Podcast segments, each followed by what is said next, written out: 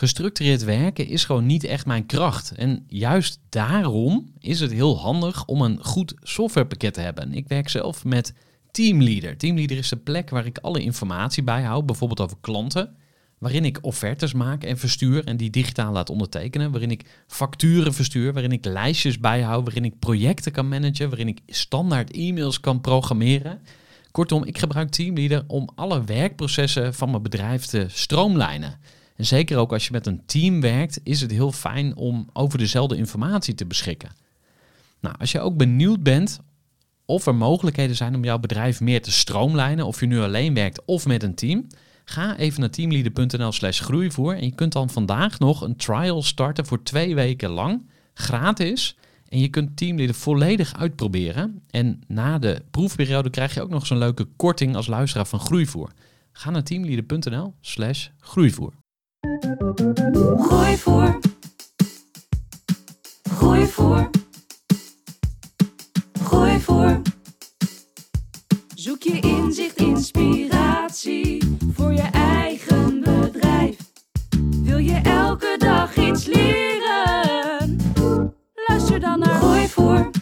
Welkom bij een nieuwe aflevering van de Groeivoer podcast. En ik sta hier tegenover Ron Simpson. Hij is bekend geworden met de Avocado Show, maar hij timmert al veel langer aan de weg. Hij is serial entrepreneur en ik ga het onder andere met hem hebben over ja, de Avocado Show, eh, waar hij bekend mee geworden is. Maar ook het samenwerken met compagnons. Ja, hoe pak je dat aan? Wat zijn nou de tips om dat ja, succesvol te maken? Uh, hoe gaat Ron om met de vele ideeën die elke dag in zijn hoofd oppoppen? Want je kan ze helaas niet allemaal zelf doen. We gaan het ook hebben over investeren.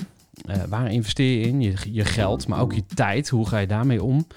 En uh, we sluiten straks af met een aantal levenslessen. Want Ron heeft natuurlijk al heel wat meegemaakt. Maar we beginnen bij het begin. Ron, van harte welkom. Hey, dankjewel. Ja. Leuk dat ik er mag zijn. Voor de kennis en ideeën van een interessante gast. Die zijn verhaal met jou wil delen. Luister je naar Gooi voor. Niet je eerste podcast, zeker ook niet je laatste. um, maar uh, in mijn podcast vraag ik mijn gasten eigenlijk altijd om ons even voor te stellen aan de kleine Ron. Wil je ons eens meenemen naar jouw roots? Naar mijn roots? Oh jee. Um, ja, dat, dat, wil ik zeker. Um, de kleine Ron. De kleine Ron die is geboren in Tel Aviv. Als jongste kind van uh, twee hele lieve ouders, Israëlische moeder, Engelse vader, die elkaar direct hadden gevonden en na 48 uur zijn getrouwd. Dus dat is sowieso een leuk verhaal. En uh, in Tel Aviv zijn beland. Um, uiteindelijk is via de werk van mijn vader zijn we richting uh, Europa vertrokken en, en in het super exotische uh, Nieuwegein beland, waar, waar iedereen natuurlijk naartoe wil. Um, en daar wel echt een waanzinnig leuke tijd gehad voordat ik um, de stap maakte naar Utrecht en eigenlijk van Utrecht door naar Amsterdam. En de kleine Ron die... Ja, dat was altijd al een beetje een gek, gek jochie of zo. Ik was altijd wel net ietsje anders. Ik denk dat iedereen dat sowieso wel voelt ongeveer. Maar bij ons was het natuurlijk ook echt zo. We spraken andere talen, we hadden andere cultuur natuurlijk. En uh, dat merkte je toch wel. Maar bij mij was het een soort van hele gekke balans. Of hele gekke combinatie van dingen. Dus ik was en ben uh, allochtoons, buitenlands, hoe je het ook wil noemen, zeg maar. Um, maar ik had een naam dat wel uh, een soort van herkenbaar was. Ron Simpson. Ja, dat vinden mensen niet zo erg moeilijk. Was, oh, hij heeft een Engels vader. Oh, oké, dat zal wel goed zijn. Maar al mijn vrienden vanaf de basisschool omhoog waren eigenlijk altijd super multicultureel. Dus ik, ik, ja, diversiteit is iets wat, er bij ons gewoon altijd in zat. Maar het was een soort van weird. Dus ik ben wel op papier een soort van uitzondering. Maar eigenlijk werd ik direct geaccepteerd. En dat is een soort van vaag voor mij. Dus ik kwam in een twilight zone waarbij al mijn vrienden wel buitenlands waren met gekke namen en uh, andere uh, soorten uiterlijk en andere culturen en ander eten en whatever. En daar heb ik waanzinnig veel plezier mee gehad. En die kregen later dan uh, af en toe ook nog wel eens gedonder. Nou, je weet wat voor dingen. Gewoon of je wel of niet de club in mag. Of dat je makkelijk een baan kunt krijgen. Of weet ik wat. En ik kwam eigenlijk dus ook uit dat groepje. Maar ik had er nooit...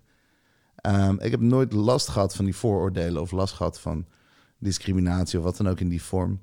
Wat mij altijd al een soort brug heeft gemaakt tussen die beide werelden. Echt vanaf jongs af aan was ik altijd een soort van de sleutel tussen de groep mensen die daar wel last van hadden en de groep ehm, ja, locals, of hoe je het ook wil noemen, die daar, die daar dan niet echt mee bezig waren of niet door hadden wat daar allemaal speelde. En ehm, dat maakt je communicatief sterk. Dat maakt je uh, interesses heel breed. Ehm, en heel erg um, probleemoplossend gericht of zo. En ik denk dat daar heel veel vandaan komt van, uh, van wie ik nu ben. Ja, en die brugfunctie, hoe zag dat er dan uit? Wat deed je dan bijvoorbeeld? Of nou, eigenlijk gek genoeg, dat is hetzelfde als wat ik nu doe. Um, dus er is, kon alle talen spreken. En dan heb ik het niet over dat ik een talenknobbel heb of zo. Maar ik bedoel meer van, um, er zijn ook culturele talen. Er zijn ook gewoon manieren hoe je met elkaar omgaat en gevoelens. Dat is ook taal, weet je wel. En ik begreep gewoon heel goed waar, waar die jongens vandaan kwamen. Um, omdat ik dat ook had. Alleen ik begreep ook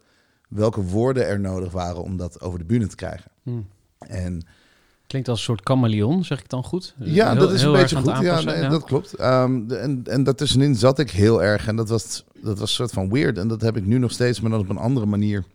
Waarbij ik eigenlijk bijvoorbeeld tussen de creatieve en zakelijke wereld heel erg zit.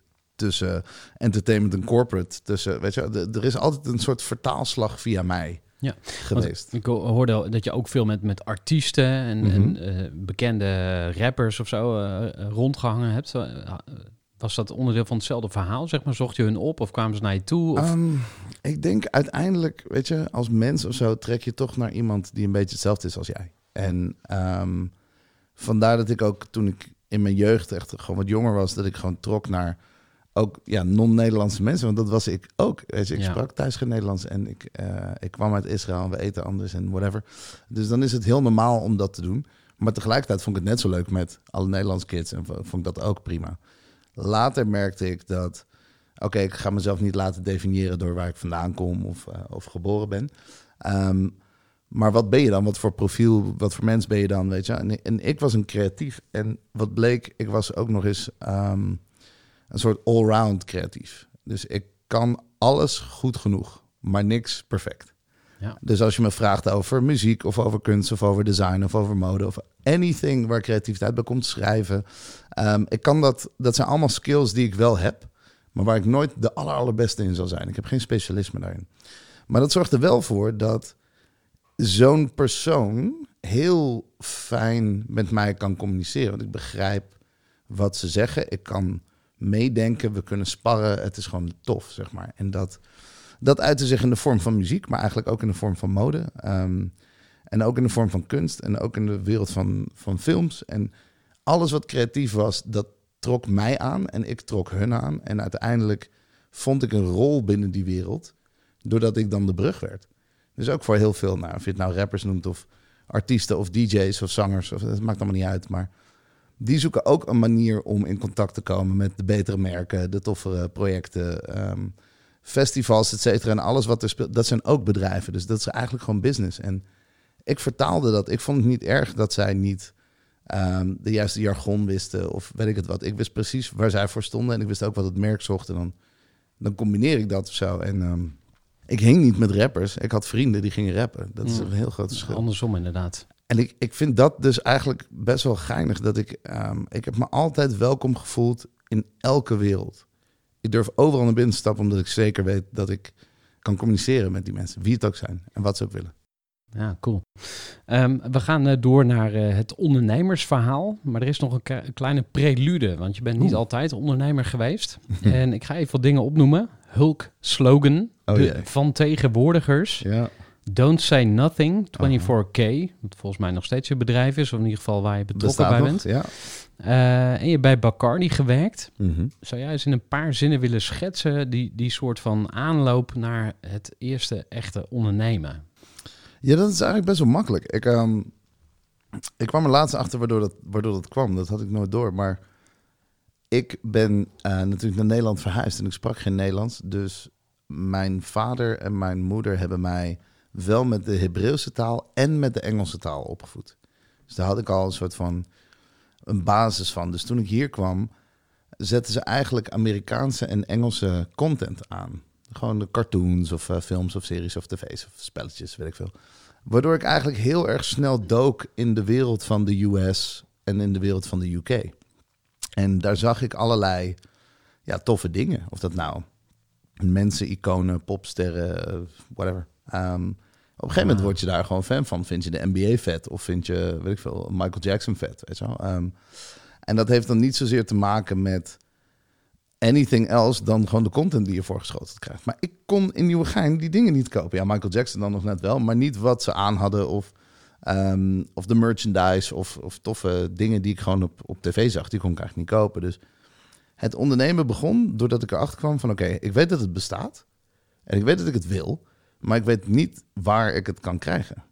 Wat doe je dan? Stop je of ga je uitzoeken wat je moet doen? Nou, uiteindelijk ging ik dus van Nieuwegein naar Utrecht kwam ik hier bij een oude winkel die Rhythm Import heette of zo. En daar, daar kon je heel veel muziek bestellen. Of het nou een vinyl was of een cd of van wat dan ook. Amerikaans, Japans, maakt ze niet uit. Voor mij is dat ondernemen. Van, hey, ik wil iets hebben. Het is er niet, dus ik ga het regelen. En dat is de, de kleinste vorm van ondernemen, zoiets. En dat werd steeds meer. En toen dacht ik, oh, ik wil eigenlijk die kleren ook wel. Nou, dan moet ik dan ook gaan regelen. Oh, ik wil eigenlijk wel een keer naar zo'n feestje die ik daar zie. Ja, die zijn er niet. Nou, oké, dan gaan we het geven. Oh, ik wil eigenlijk wel gewoon zo van die, van die soort van stappen richting je interesse die niet beschikbaar zijn in, eh, in jouw gebied, zeg maar. En daar begon het voor mij allemaal een beetje qua, qua ondernemen. En als je dat dan helemaal echt fileert, dan kom je er eigenlijk achter van... hé, hey, dat komt door hun imago, branding, marketing... die allemaal daarin zat, dat het bij mij aankwam en dat ik dat wilde hebben. En dat ik het vervolgens ging doen. En om het te verkopen of om- het weer succesvol te maken, stel je geeft een feestje, moet jij ook weer branding en marketing en weet ik het wat doorvoeren. Dus eigenlijk vanaf jongs af aan begon dat hele ja, verhalen vertellen, merken bouwen dingetje. Dat zat er eigenlijk altijd al in. Ja, en wa- wat is daar het beste voorbeeld van? Welke, welke springt er voor jou uit dat je zegt van daar had ik mijn branding gemasterd zonder dat ik het nog branding noemde? Nou, wat ik interessant vond was, Hulk Slogan is denk ik het beste voorbeeld. Dat is de allereerste ehm bedrijfachtig ding wat ik ooit deed. Alleen het feit al dat je een gimmick kiest als naam of iets wat je een emotie oproept als je het zegt, dat het onthoudbaar is. Eh, het had een, meteen al een logo. En wat het deed was eigenlijk, ik schreef gewoon ehm bedrijfscommu- merk- en bedrijfscommunicatie voor mensen. Ik was goed met woorden. En heel veel mensen toen zeker nog niet. Je had ook geen apps of dingen, weet je, het was gewoon allemaal moeilijk. Dus stel jij wilde iets, ik kon gewoon ter plekke een persbericht voor jou schrijven. Echt in 30 minuten was ik klaar en het was perfect. Dus daar hoef je ook niks meer aan te doen. Maar dat kon ook in een sloganvorm of voor op je Facebook of Hives of weet ik veel wat vroeger. En dus schreef ik bedrijfscommunicatie. En daaromheen zat een heel klein merkje en dat heette Hulk Slogan. Daar heb ik niet veel mee gedaan, maar je merkt wel dat het de basis heeft van alles wat het moet zijn. De van tegenwoordigers, idem dito. Ja, en ik vroeg je eh, dus eigenlijk het, toppunt van je, van je pre-ondernemerschap, zo gezegd. Hmm. Het toppunt van mijn pre-ondernemerschap was van tegenwoordigers. en Dat is nooit gebeurd. Dat is echt hilarisch. Dat is echt. Ik heb alle lessen op één dag geleerd. Ik, ehm, ik dacht dat ik een gat in de markt had gevonden. Vroeger vond ik Cool Politics heel vet. Dat is een programma van MTV dat eh, moeilijke dingen bespreekbaar maakte door eigenlijk toffe mensen erover te laten praten in plaats van stoffige mensen. Ehm, die er waarschijnlijk wel meer van wisten, maar goed. En ik dacht bij mezelf, oké, maar waarom is dat dan niet dagelijks? Waarom is dat dan alleen een tv-programma of op een festival of zo? Kunnen we dat, kunnen we alle ehm, soort van schoolvoorlichting niet aanpakken? Kunnen we dat niet altijd doen? En ik ken toch allemaal artiesten en mensjes en zo. Kunnen we dat niet bij elkaar zetten? En dan gaan we gewoon elke dag langs scholen. Zullen vast wel subsidies voor zijn. Doen we en goed werk. Worden we betaald? Iedereen vindt het tof. Why not? Win-win-win. Jaren aan gewerkt. Alles helemaal uitgedokterd. Eh, heel merk ontworpen. Heel, hele propositie, businessmodellen.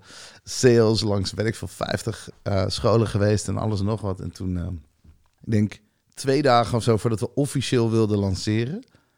Toen kwam de crisis. En toen werd er ineens een soort van 300 miljoen aan subsidie geschrapt of zo. Op eh, voorlichting en educatie. En ik zo, alright. Het heeft helemaal geen bestaansrecht meer. Yay. Ehm, dus toen stopte ik en de dag daarna nam ik een eh, baan bij Bacardi. Ja. Hoe kijk je daarop terug? Fantastisch, tijd van mijn leven. Waarom? Omdat het eigenlijk mijn leerschool was. Omdat ik leidinggevenden had die mij begrepen. Omdat ik met een wereldmerk mocht spelen en later met veel meer wereldmerken mocht spelen. Omdat ze me het woord wereld ook echt hebben gegeven. Ik ben in eindeloos veel landen met hun, met hun geweest. Echt onvoorstelbaar. En ik dacht gewoon dingen die niet pasten bij mijn leeftijd. We was letterlijk tv-commercials aan het schieten. We waren campagnes aan het doen. Er lag miljoenen aan budget om social media uit te vogelen. Het is gewoon waanzinnig, weet je wel. Dat is iets wat je niet zo snel krijgt op zo'n jonge leeftijd. En ik kreeg heel veel vrijheid en verantwoordelijkheid van, eh, van het team daar. En daar ben ik ze tot de dag van vandaag dankbaar voor. En dat weten ze ook. En ik werk nog steeds met ze. En dat is echt heel lang geleden. Maar nu zelfs, zelfs al werk ik daar, eh, weet ik veel, 10, 5, 12 jaar niet meer of zo. Ehm, spreken we elkaar nog steeds. En is er nog steeds een soort van heel veel liefde. Omdat vanaf dat moment werd ik eigen mens. Vanaf dat moment mocht ik echt dingen verzinnen zonder dat ik het verzon voor iemand anders.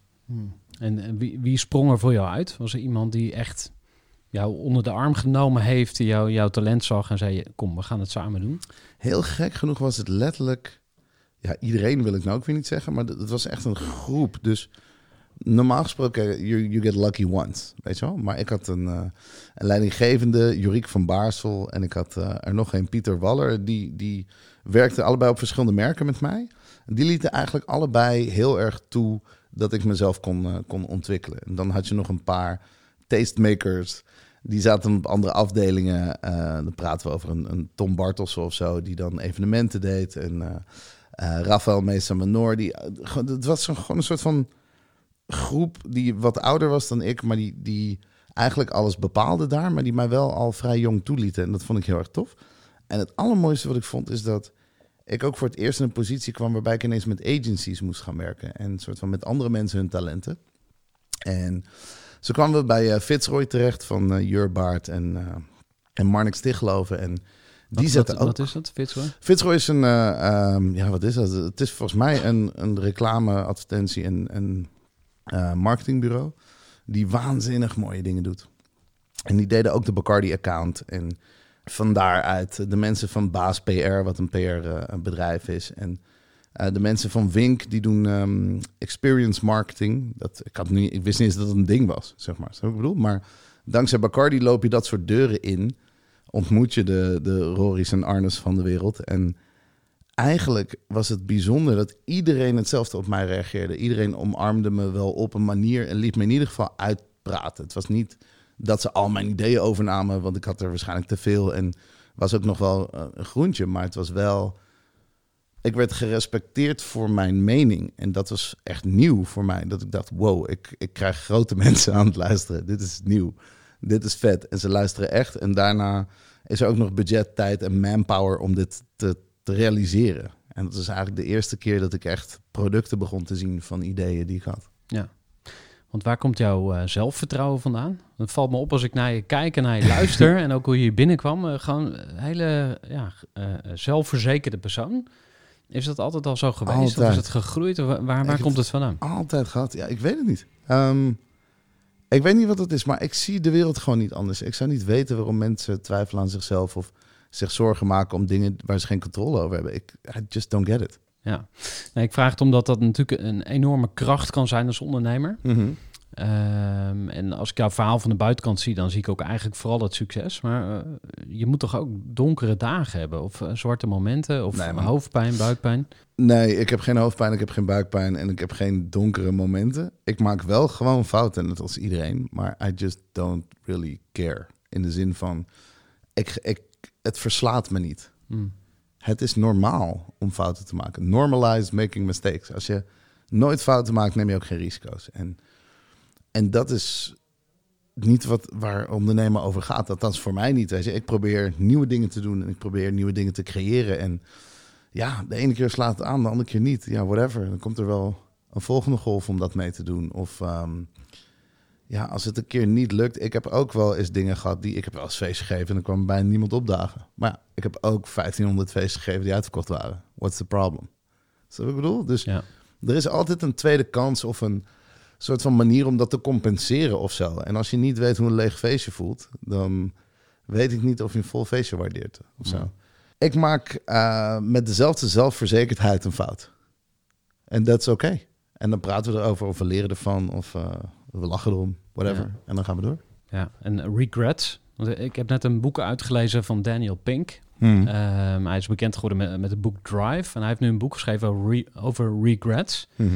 En hij zegt eigenlijk van eh, mensen die zeggen dat ze geen regrets hebben, Mhm. die hebben of een, een, een, eh, cognitieve stoornis of het zijn kinderen. Maar iedereen heeft regrets. Iedereen. Alleen de mensen die zeggen ik heb no regrets, die hebben er Mm. geen, of die zijn er niet open over. Dus dan is mijn vraag aan jou, eh, bedoel ik echt niet lullig, maar Mm. wat is dan een regret waarvan je denkt van ja shit, dat heb ik toch echt. Ehm, ik denk niet, ja, ik weet niet. Ik vind regret vind ik een moeilijk woord, omdat het spijt betekent. En ehm, ik heb niet per se spijt van dingen. Ik heb wel nieuwsgierigheid naar dingen. Dat ik denk, oeh, wat zou er zijn gebeurd als ik daar naar links was gegaan in plaats van naar rechts?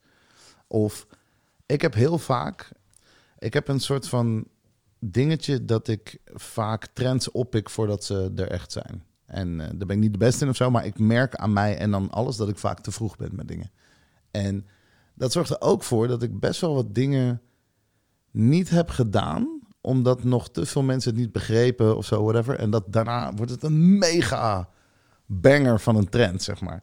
Moet ik dan balen? Ja.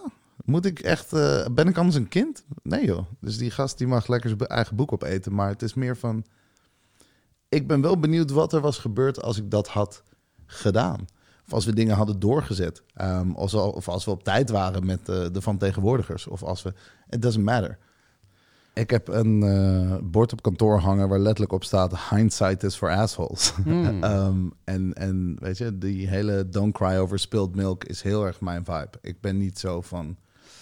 Als je terugkijkt, zie je niet wat er voor je gebeurt. Het is gewoon niet zo interesting. Wat ik wel leuk vind, is analyseren waarom iets wel of niet heeft gewerkt. Mhm. En daar een les uit proberen te trekken en dat ook te delen met andere mensen. Maar er is werkelijk niet één ding dat je kunt doen om, om iets terug te draaien. Dus waarom zou ik daar in godsnaam tijd aan besteden? Ik, ik, dat begrijp ik gewoon niet. En ik denk dat het verschil ook is dat ik een machine ben in creatie. Dus ik ben non-stop nieuwe dingen aan het creëren, waardoor ik... Ja, als er iets niet door is gegaan, dan was dat gewoon de tijd niet of zo. Fine, dan pakken we de volgende wel. Ja. Even een korte onderbreking met een belangrijke vraag aan jou. Want wat heb jij geregeld voor het geval je van de ene op de andere dag zou komen uit te vallen? Wat gebeurt er dan met je bedrijf, maar vooral wat gebeurt er met jou persoonlijk en ook in financieel opzicht? Samen met ASR voerde ik drie openhartige gesprekken over tegenslag en veerkracht. En dat deed ik met Saskia, Vincent en Pieter. Ondernemers met een bloeiend bedrijf die van de ene op de andere dag niet meer konden werken.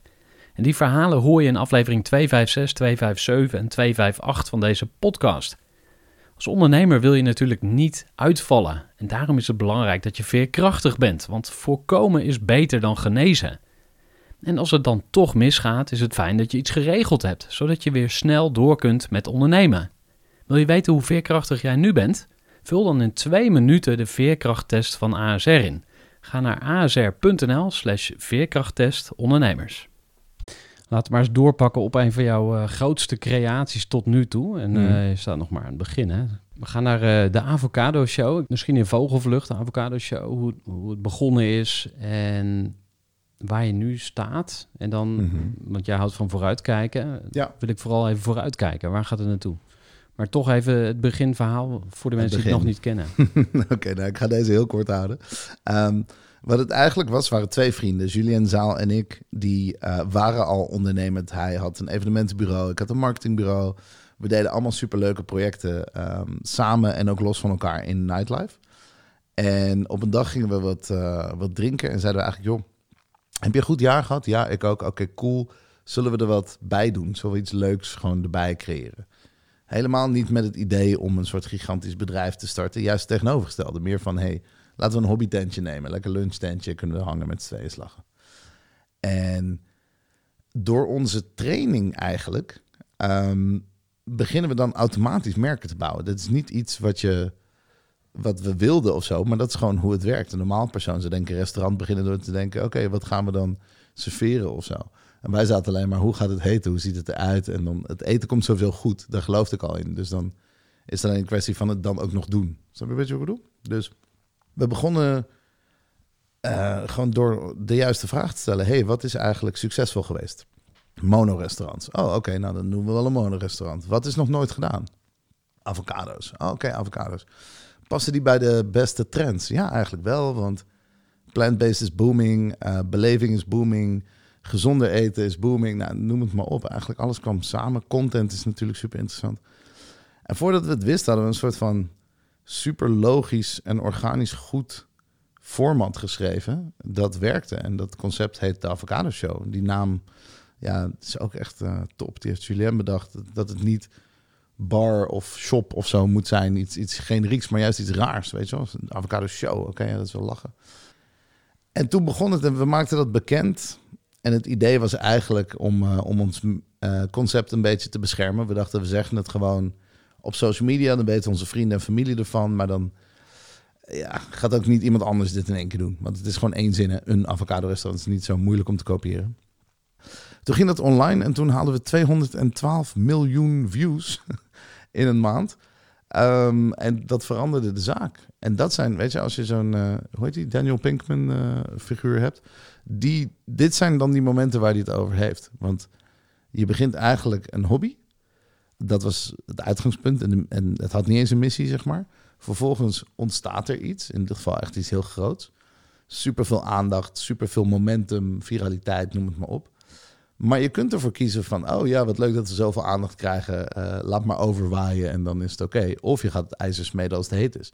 Wij moesten onze bedrijven afronden, personeel van bedrijf 1 ineens naar de avocado show toeschuiven, al ons eigen geld erin stoppen, risico lopen, vijf maanden met een heel team communicatie draaien zonder dat er een restaurant open was om omzet te draaien, zeg maar. Allemaal best wel heftige keuzes. Ja, dat hadden we ook niet kunnen doen. Maar dan hadden we het nooit geweten. En we hebben het wel gedaan en we hebben het geweten.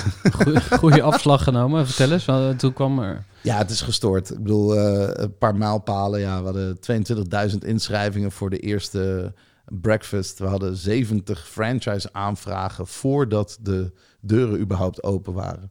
Inmiddels later werden dat duizend in een jaar. Um, we kregen, er sliepen mensen voor de deur de avond voordat we open gingen. Uh, het hield gewoon niet op. Er waren, we, mm. Weet je, we waren in gameshows in Japan. We waren uh, op de radio in, uh, in Australië. We stonden in New York Times. Het, waar hebben we het over? Het is gewoon één social media post van een idee van een restaurant met 42 stoelen in Amsterdam. Doe normaal, weet je wel? Dus en, uh, en wat is dan, uh, want als je het als showcase pakt voor branding, hè, want dat is Mhm. mm -hmm. een, van, ja, een van de dingen waar jij gepassioneerd over bent. Ja. Wat zijn dan de onderdelen waarvan je zegt, ja, dat maakt het geniaal. Je hebt even wat, wat dingen opgenoemd, hè, uh, over Ja. food trends met name, maar Nou, als je eigenlijk terugkijkt, dan. ehm, en je probeert te verklaren waarom iets heeft gewerkt, dan is het eigenlijk de truc dat. Als je gewoon kijkt hoeveel avocado's aan het omzetten waren in 2016, dat was ongeveer 16 miljard. Als je dat terugrekent naar hoeveel vruchten dat dan zijn, en dat dan weer terugrekent naar hoeveel mensen die dan op moeten eten, dan kom je er eigenlijk vrij gauw achter dat het honderden miljoenen mensen zijn. Dat is een hele grote gebruikersgroep die dat al doet. Um, en daar zijn er meer van. Alleen, er miste een merk. Er was gewoon geen, geen beleving of zo daarin te vinden. En ik kan je een heel makkelijk voorbeeld geven. Als wij nu naar... Uh, oh, nee, laten we het korter doen. Noem eens een merk uh, bananen. Chiquita. Top. Noem eens een merk komkommers. Kromkommers is het enige wat opkomt van Albertijn. Ja, kromkommers is eigenlijk een groter concept waarbij ze mm -hmm. uh, afgekeurd fruit uh, gaan doen. Maar over het algemeen is dat meer een idee dan dat dat een. Ja, maar hij is niet geowned zeg maar door een typical merk. brand. Dus, mm -hmm. Ja. En bovendien, als je in Frankrijk komt, kennen ze kromkommer niet, maar Chiquita wel. Um, what I'm saying is, hoeveel mensen eten wel, wel niet een komkommer, zeg maar. Maar er is dus nog nul... Niemand is daar met merkbeleving echt ingestapt of zo. Um, behalve de, de komkommer mensen, maar die doen meer. Um, wat dat interessant maakt, is dat er dus eigenlijk al een hele grote groep was... die al interesse had. En het enige wat je dan nog moet doen, is de juiste executie. Je moet de juiste boodschap of vormgeving vinden die dat doet. Ik denk dat het woord show heel veel heeft gedaan. De avocado show is een belofte je eet 21 keer per week. Hoe maak ik dat nog speciaal? Nou ja, je moet denken dat er iets anders gaat gebeuren dan de andere 20 keer, weet je wel? Mm. Um, en entertainment vind je in de vorm van, van food design en styling en hoe we dat allemaal hebben gedaan en, en de kleuren. Je krijgt eigenlijk een soort van beleving van een, van een topsterrenrestaurant, maar dan voor 15 euro. Weet je? Dat is sowieso al nieuw, toegepast op dingen die je kent. Avocado toast of burgers of pancakes. Dat gebeurt niet. Je gaat niet naar een sterrenrestaurant een pannenkoek te eten. Dus dat stukje beleving dat je daar wel krijgt, dat kon je eigenlijk nergens krijgen. Nou, nu krijg je dat wel. Onze, onze avocado's zijn de hele wereld overgegaan in elke mogelijke vorm. Die, die burgertjes, die hebben honderden miljoenen mensen gezien. Hetzelfde geldt voor de manier waarop wij pokeballs maken of, uh, ja, of pannenkoeken. Um, dus ik denk dat we in, in soort van operational excellence, maar ook in branding excellence rondom de producten zijn gaan kijken. Beyond het merk. Niet alleen een tof logo, een leuk naampje en de juiste kleuren. Interieurtechnisch ook. Roze bank, plant walls, uh, concrete floors, goede loftgevoel. Doorvertalen naar, oké, wat voor servies en hoe, hoe staat het eten erop? En wat is de kwaliteit van de fotografie dan? En de video's en de content die ze maken. En de kookboeken en de merchandise en de lifestyle brands. En de, je bouwt dat hele ding uit. En voordat je het weet, staat er gewoon iets wat zo undeniably bij elkaar past. Dat je het echt een merk mag noemen. En wanneer wist je dat je iets te pakken had? Dat is misschien een beetje een cliché vraag, maar... Meteen. Ja. Want je ging all in, hè? Je zei van, nou, we, we, gingen onze andere bedrijven afbouwen. We gingen onze overwinst die we daar hadden er ook in steken. Ja, het was niet eens een keuze. Het was niet eens... Hmm. Je, je had die tijd gewoon niet. Uh, misschien dan heel even vooruitkijken. Want dat, mm -hmm. uh, dat, dat, zouden we ook doen. Op een gegeven moment uh, ging de telefoon een paar keer. En toen eh, kwam je in contact met Sean Harris. Ja, klopt. Neem ons eens mee. Wat, wat is daar gebeurd? Wie is zij? Waarom zou ze relevant kunnen zijn voor het verhaal? En wat is nu haar rol? Sean Harris is een legend. Laten we dat voorop stellen. Zij is de, de OG avocado queen. De eerste, de enige, de echte. Um, zij heeft een bedrijf opgericht dat heet Nature's Pride. Dat is een van de grootste spelers in groente en fruit, uh, import-export. En distributie. En dus ook zeker een van de grotere uh, rondom exotische vruchten, waar dan ook avocado onder valt. En zij heeft eigenlijk het hele rijpe en ready-to-eat proces ontwikkeld en bedacht. En ja, dat is gewoon niet meer weg te denken eigenlijk uit de moderne wereld van, uh, van zowel de consument in de supermarkt als, als de restaurants. En zij ja, bestond al 25 jaar, maar dat zit in Westland en dat is business to business. Dus het is helemaal niet. De gemiddelde persoon heeft daar nog nooit van gehoord. Um, maar die hoorde wel van ons. Want wij gingen natuurlijk via massamediakanalen de wereld in. En dus was zo'n soort van raar verwachtingspatroon ineens van... Huh? Wij zijn eigenlijk de... Zij dan zijn eigenlijk de grootste avocado-spelers die dit land heeft. En wij bestonden net een dag, zeg maar. Maar werden behandeld als de grootste avocado-spelers. Dus wat gebeurt hier? Dus het was een soort van logisch dat we elkaar gingen ontmoeten. Daar hebben we een waanzinnige partnership in gevonden. Met Sean, maar eigenlijk ook met de rest van het team. Als leverancier. Wij wilden... Uh, eetrijpe, duurzame, sociaal verantwoordelijke uh, avocados hebben. En zij kunnen dat leveren, dus dat was fijn. En ze wilden ons ook helpen met bijvoorbeeld het leren over duurzaamheid en het maken van onze documentaire en het uittesten van allerlei dingen. Ze hebben ons waanzinnig veel geleerd, super tof. En Sean is de oprichter van dat bedrijf. Die heeft het vervolgens verkocht. En dankzij dat heeft ze ook in ons geïnvesteerd. Dus zij was de eerste en nog steeds de enige investeerder die bij ons is ingestapt. Inmiddels meerdere rondes.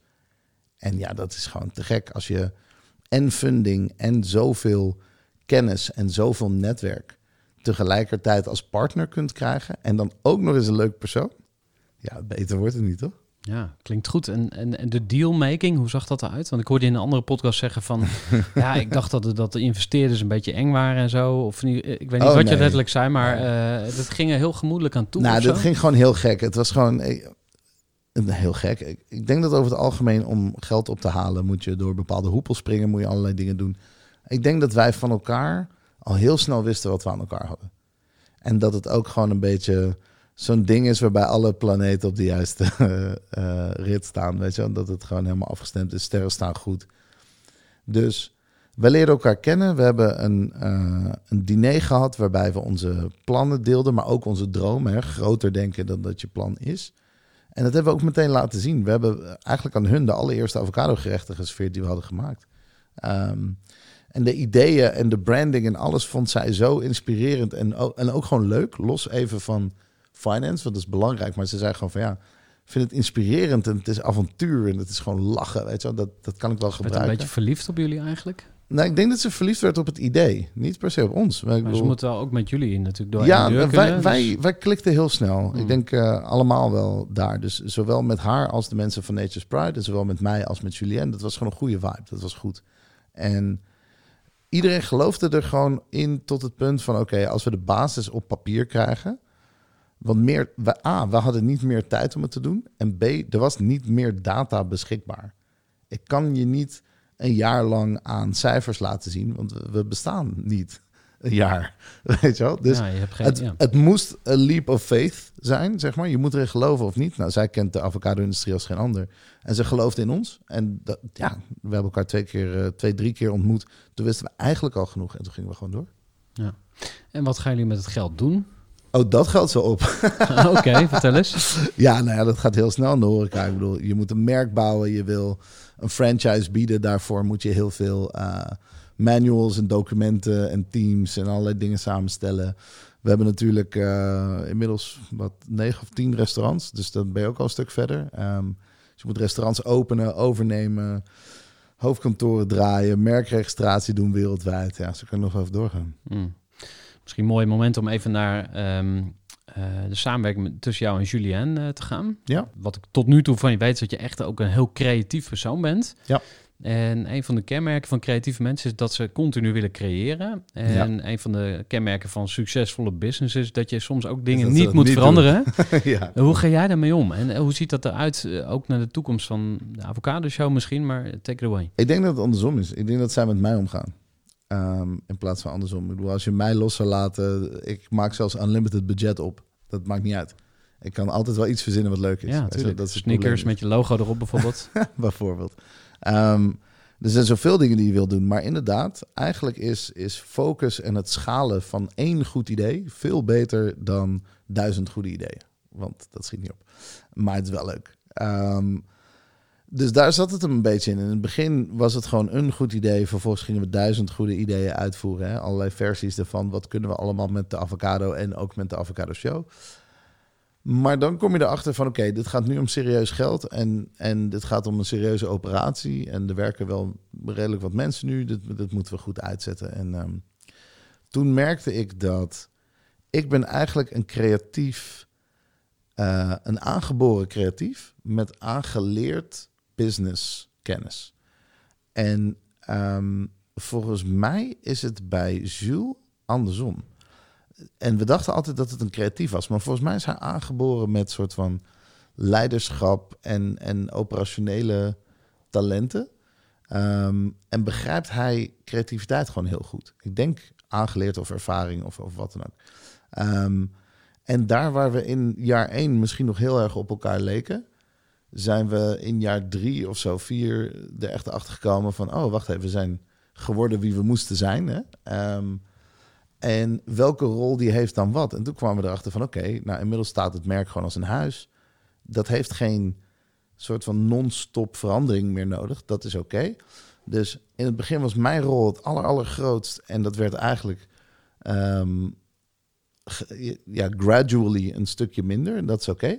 En in het begin was, was zijn rol ook heel erg groot. Alleen niet, niet zozeer op de voorgrond. Maar dat is nu steeds meer en meer aan het worden. Want hij moet natuurlijk de operatie draaien en al die locaties en mensen en operational excellence regelen. Dat is niet makkelijk. Dus uiteindelijk is, ehm, is communicatie onderling en ook acceptatie van wat ben je nou als persoon en wat wil je. Ehm, en hoe kunnen we het beste uit elkaar halen? Dat is de truc geweest bij ons. Sjoe en ik werken niet elke dag samen, maar we werken wel elke dag aan hetzelfde. En dat is belangrijk. En als hij mij nodig heeft, dan ben ik er. En als ik iets wil weten, dan is hij daar. Maar ik help hem het hele creatieve stuk bewaken, van media tot merk en alles wat er tussenin zit. En daardoor hou ik ook tijd over om ehm, andere dingen te doen die ik leuk vind, waar ik mijn creatieve eh, energie kwijt kan, zeg maar. En hij is gewoon laser sharp focused op de Avocado Show operationeel de stratosfeer in knallen. En dat is alles wat ik niet kan. En daar heb ik zoveel respect voor. Dat ik denk, oh wauw, ja, ik, ik sta jou toe te juichen. Dit is, we hebben de balans gevonden, denk ik, die iedereen zoekt. En daarbovenop hebben we dan een Sean. Maar Sean is ook niet meer Sean. Sean is inmiddels een bedrijf dat Orange Wings heet. Dat is een investeringsbedrijf. En die heeft ook weer een heel team aan experts die zij aan tafel brengt.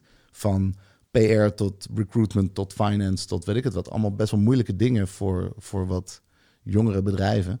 Ehm, en daar vind je dan ineens de balans in. Dus ik ging echt van een, van een dubbele founder team naar een triple partner team, waarin iedereen een hele duidelijke rol heeft. En, eh, en dat, dat werkt heel goed bij ons. Ja.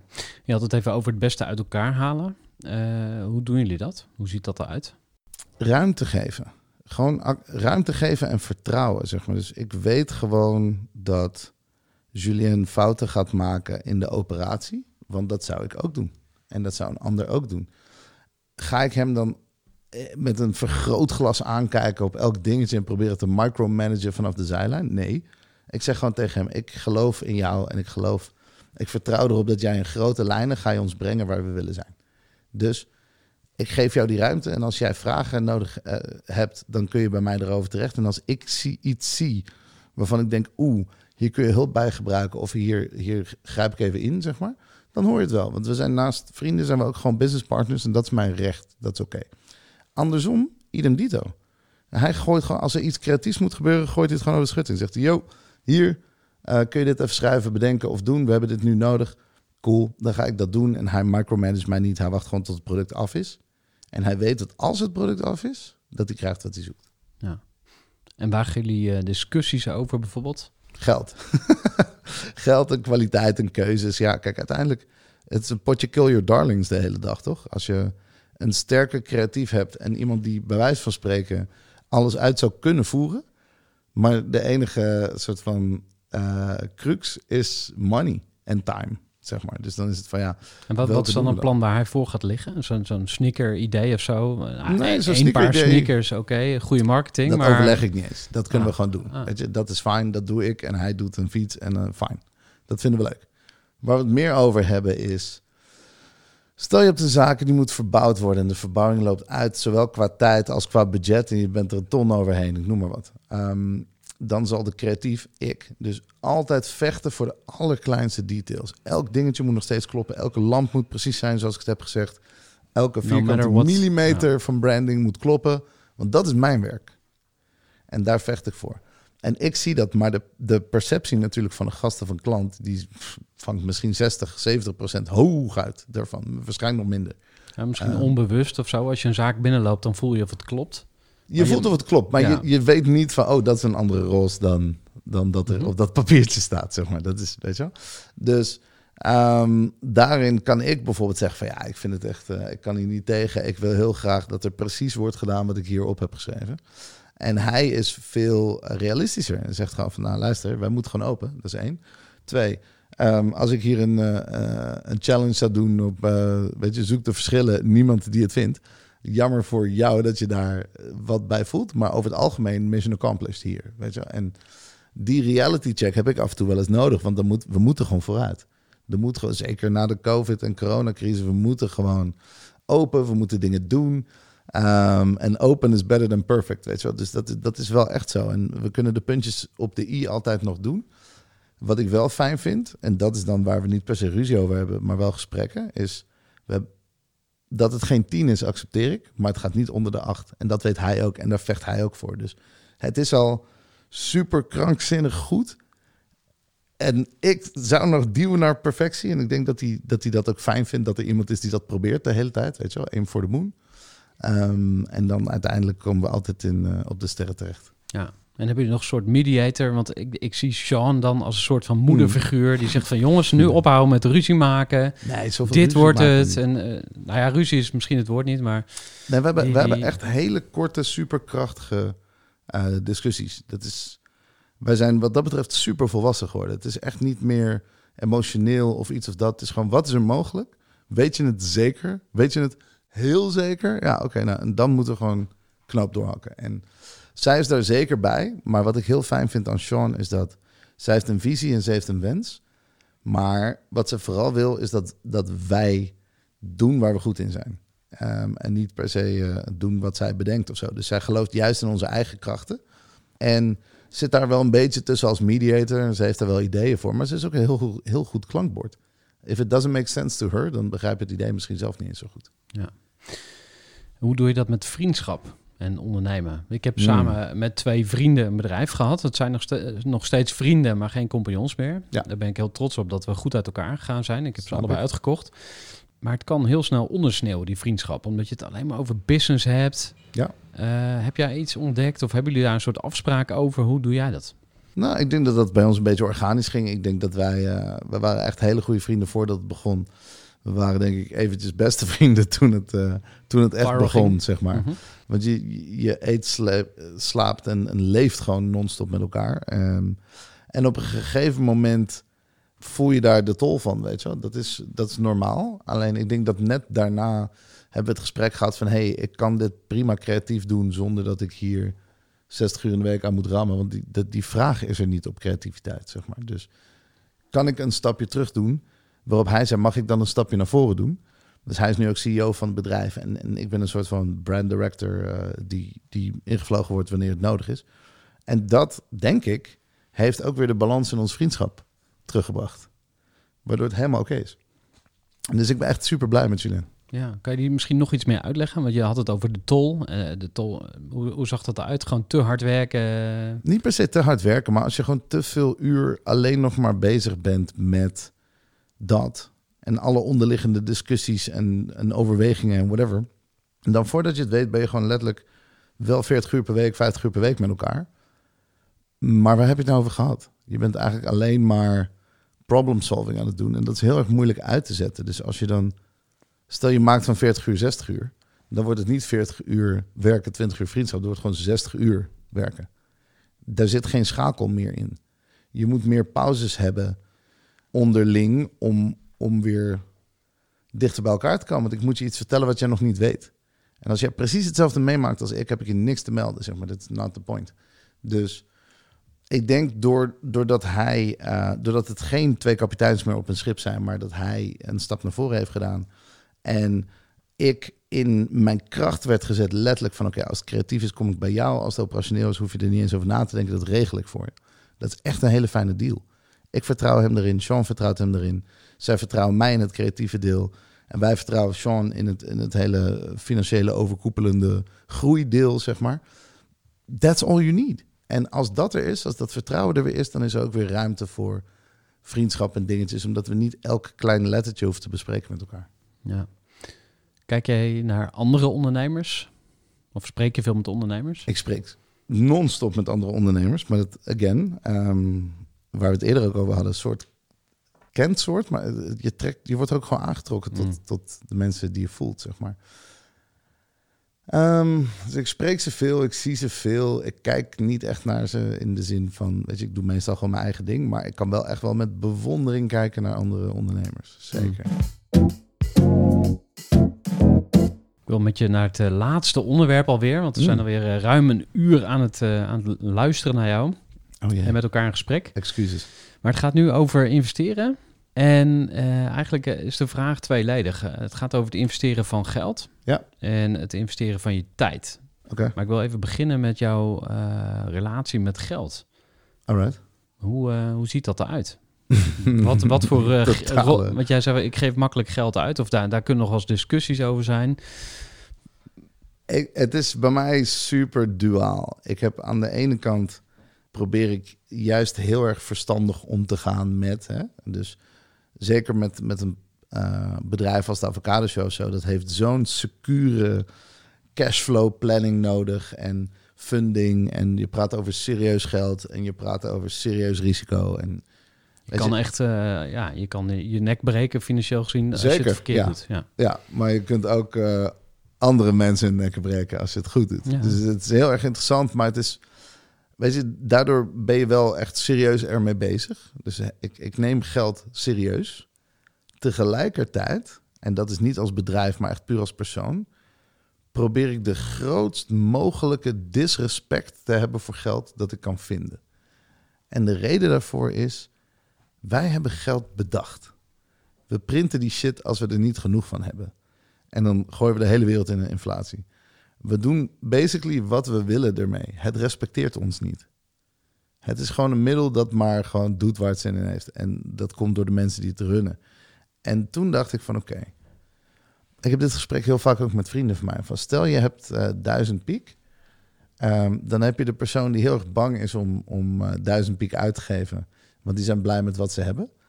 Ehm, maar bij mij is altijd gebleken dat als ik dan toch die duizend piek uitgegeven, wel aan iets nuttigs hoor, of, iets in ieder geval waar ik heel gelukkig van word, dat ik dan vervolgens 2000 piek ga halen.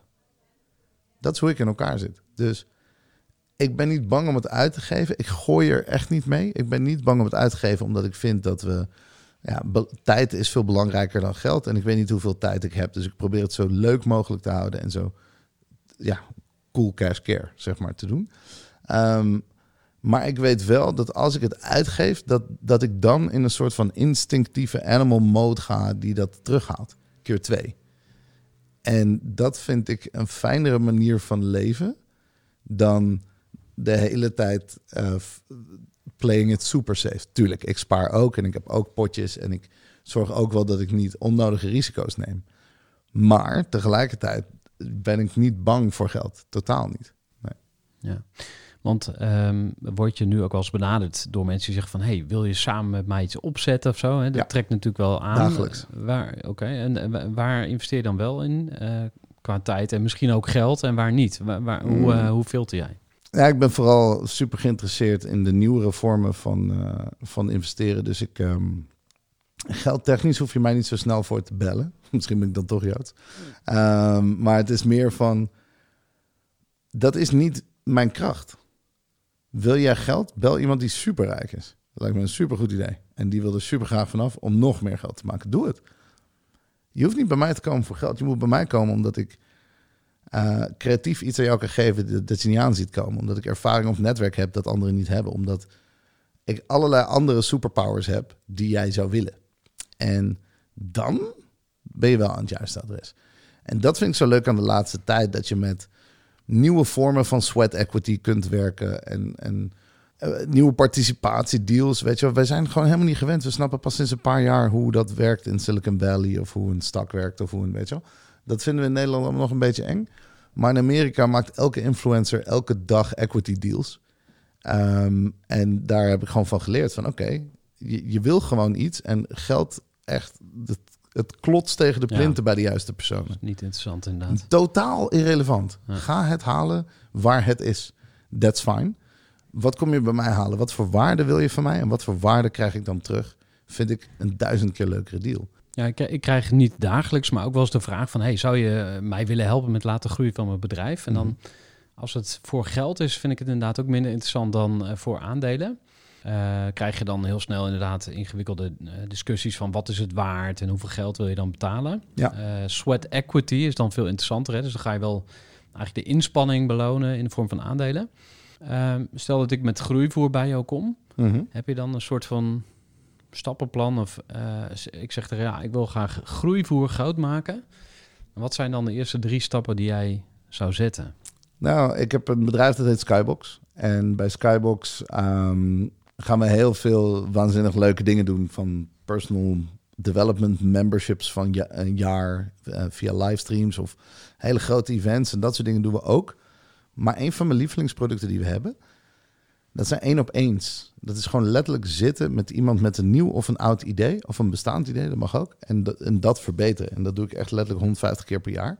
Waarbij we gewoon gaan zitten en kijken en zeggen: Oké, ten eerste weet je überhaupt wat je in handen hebt en kan je het aan mij uitleggen. Snap je je positionering? Snap je ehm, wat het waard is? Klopt het model überhaupt? Of moet daarover nagedacht worden? Gewoon echt de basics, brand fundamentals gewoon. En ook business fundamentals. Eerste wat ik doe. Vervolgens ga ik kijken naar de persoon die het uit moet voeren, which is not me. Dus dan kijk ik naar jou en zeg ik: Oké, nu we weten wat het is ehm, en waarom, waar moet het naartoe? Waar hoe ver ben jij bereid om te gaan en, en hoe gedreven ben je en wat is het idee? En dan probeer ik samen te onthullen, nog, letterlijk nog voordat we naar de markt kijken, kijk ik naar de mensen en zeg ik: Oké, wat denk je nou dat jouw tractie is? Weet je, waar, waar zit jouw rek in? Hoe ver zou je kunnen gaan? Hoe ver zou je willen gaan? Wat is voor jou belangrijk? Wat is de beloning die je zoekt? Het is niet altijd monetair. Ehm, en daar komen dan dingen uit. En als je die hebt gehad, dan weet je dus echt heel goed wat je in handen hebt. En ook wat die persoon denkt te kunnen bereiken. Daarna ga je kijken van oké, wat is er dan eh, realistisch mogelijk? En binnen de tools die jij en ik hebben. Dus jij hebt groeivoer. Ik heb kennis, netwerk en eh, allerlei andere dingen. Verstand van bereik, media-ingangen, yada, yada, yada. Ja. Dus dan ga ik kijken van oké, jouw plan is, noem maar wat, eh, om eh, 150% te groeien per maand. En uiteindelijk in 10 eh, landen te, te komen, noem maar wat. Dan ga ik een roadmap maken waarin ik denk, oké, hoe komen we zo snel mogelijk naar 10 en wat betekent 150% groeien 10 jaar? Oké, dan zit ik allemaal op een rij. En dan ga ik gewoon bedenken, kan ik dit voor je regelen of niet? Yes or no? Het is heel makkelijk. Ik zeg ook vaak genoeg nee als ik denk dat ik het niet kan, maar vaker ja. Ja. En, ehm, en dan, die eerste twee dingen zijn namelijk het belangrijkste. Want als je wegloopt, heb je de waarde van echt fundamenteel begrijpen wat je nou in handen hebt en wat je doet. Ook van jezelf fundamenteel begrijpen waar je toe in staat bent en waar je van droomt. En hoe je dat gaat doen, dat kan op duizend verschillende manieren. Dus daar kun je mijn versie van krijgen of de volgende Nog honderd of duizend andere Whatever. strategieën. Ja, Ja. ik snap hem. Dat is hoe ik werk. Interessant. Ja, volgens mij is er nog geen mono-restaurant voor eh, wortels. Dus dat, eh, ik weet niet of je de huisstijl gezien hebt, maar eh, Je bent een wortelman, hè? ander verhaal. Ehm, nog even naar het investeren van je tijd. Want Mhm. jij zegt van, ik doe dat 150 keer per jaar. Je kan ook zeggen van, ja, shit, dat is wel heel veel ballast, heel veel Is dat- ruis op de lijn. Ja. Hoe, hoe, eh, waar ligt voor jou de grens? Niks maakt me gelukkiger. Hm. Dus dat is een hele makkelijke Gewoon keuze. super creatief los mogen gaan. Ja, super creatief los mogen gaan. Mensen blij maken. Verbinden met een heleboel like-minded people. En vervolgens succes behalen in welke vorm dan ook. Dat vind ik super leuk. En ik ga ook heel lekker op die uitdaging. Want ik word 150 keer creatief uitgedaagd. Met kom dan, je bent toch zo goed, kom dan, eh, doe dan. Nou, dat is goed, kom maar. En tegelijkertijd slijp ik mijn messen. Dus elke keer dat ik zo'n gesprek heb, Is er zelf altijd beter van. eh. word je zelf beter van. Bedenk ik de oplossing voor de volgende of de vorige. Maakt niet uit. Er, zit, er is altijd een kruisbestuiving tussen mijn bestaan en mijn kennis. En die kost geld, die sessie? Of doe je dat dus... eh, Duizend piek. Ja, oké, ja. Dus, eh, en je stapt ook wel eens in als investeerder? Ja. Eén op de 10, één op de 20, één op de Nee. 150. Heb je daar eh, al een soort Ik denk dat ik mm, drie tot vijf projecten per jaar betrokken ben. Ja. Ongeveer. Ja. Klinkt goed. Ehm, tot slot. Stel dat we even alles vergeten wat we tot nu toe besproken hebben. Mhm. En je mag twee levenslessen delen op basis van alles wat je tot nu toe hebt meegemaakt. Oké. Ehm, ja, eentje die ik overal en altijd blijf herhalen. Figure out the value of time and act accordingly. Heel makkelijk. Er is werkelijk niks. Alles wat ze met geld doen, kunnen ze niet met tijd. Je kunt er niet bijdrukken. Er is geen inflatie. Doesn't work that way.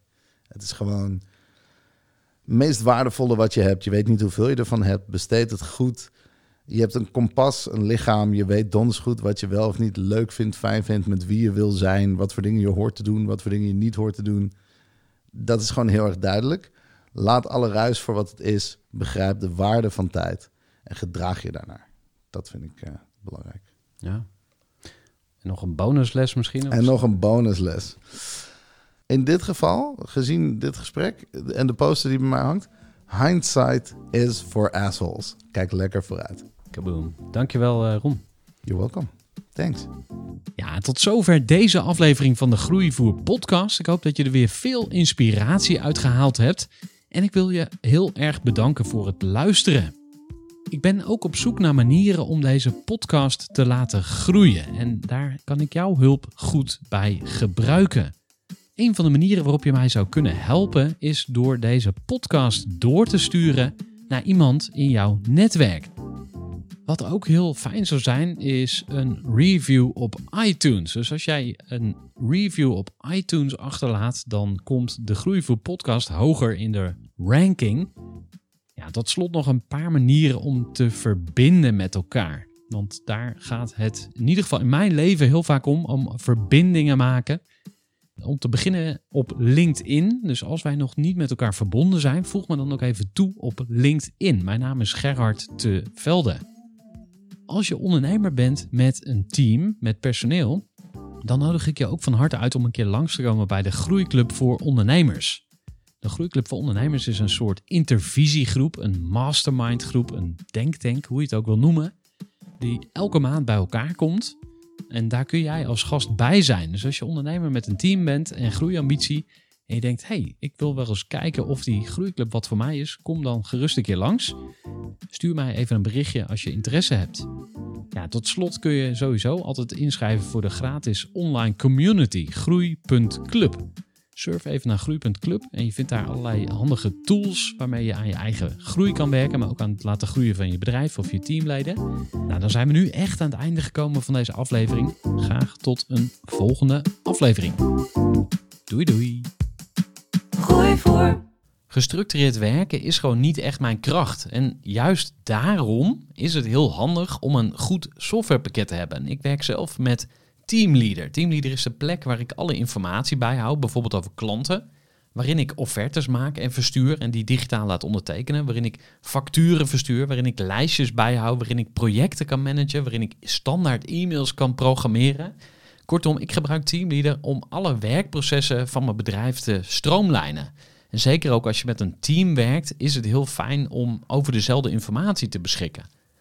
Nou, als je ook benieuwd bent of er mogelijkheden zijn om jouw bedrijf meer te stroomlijnen, of je nu alleen werkt of met een team, ga even naar teamleader.nl slash groeivoer en je kunt dan vandaag nog een trial starten voor twee weken lang, gratis.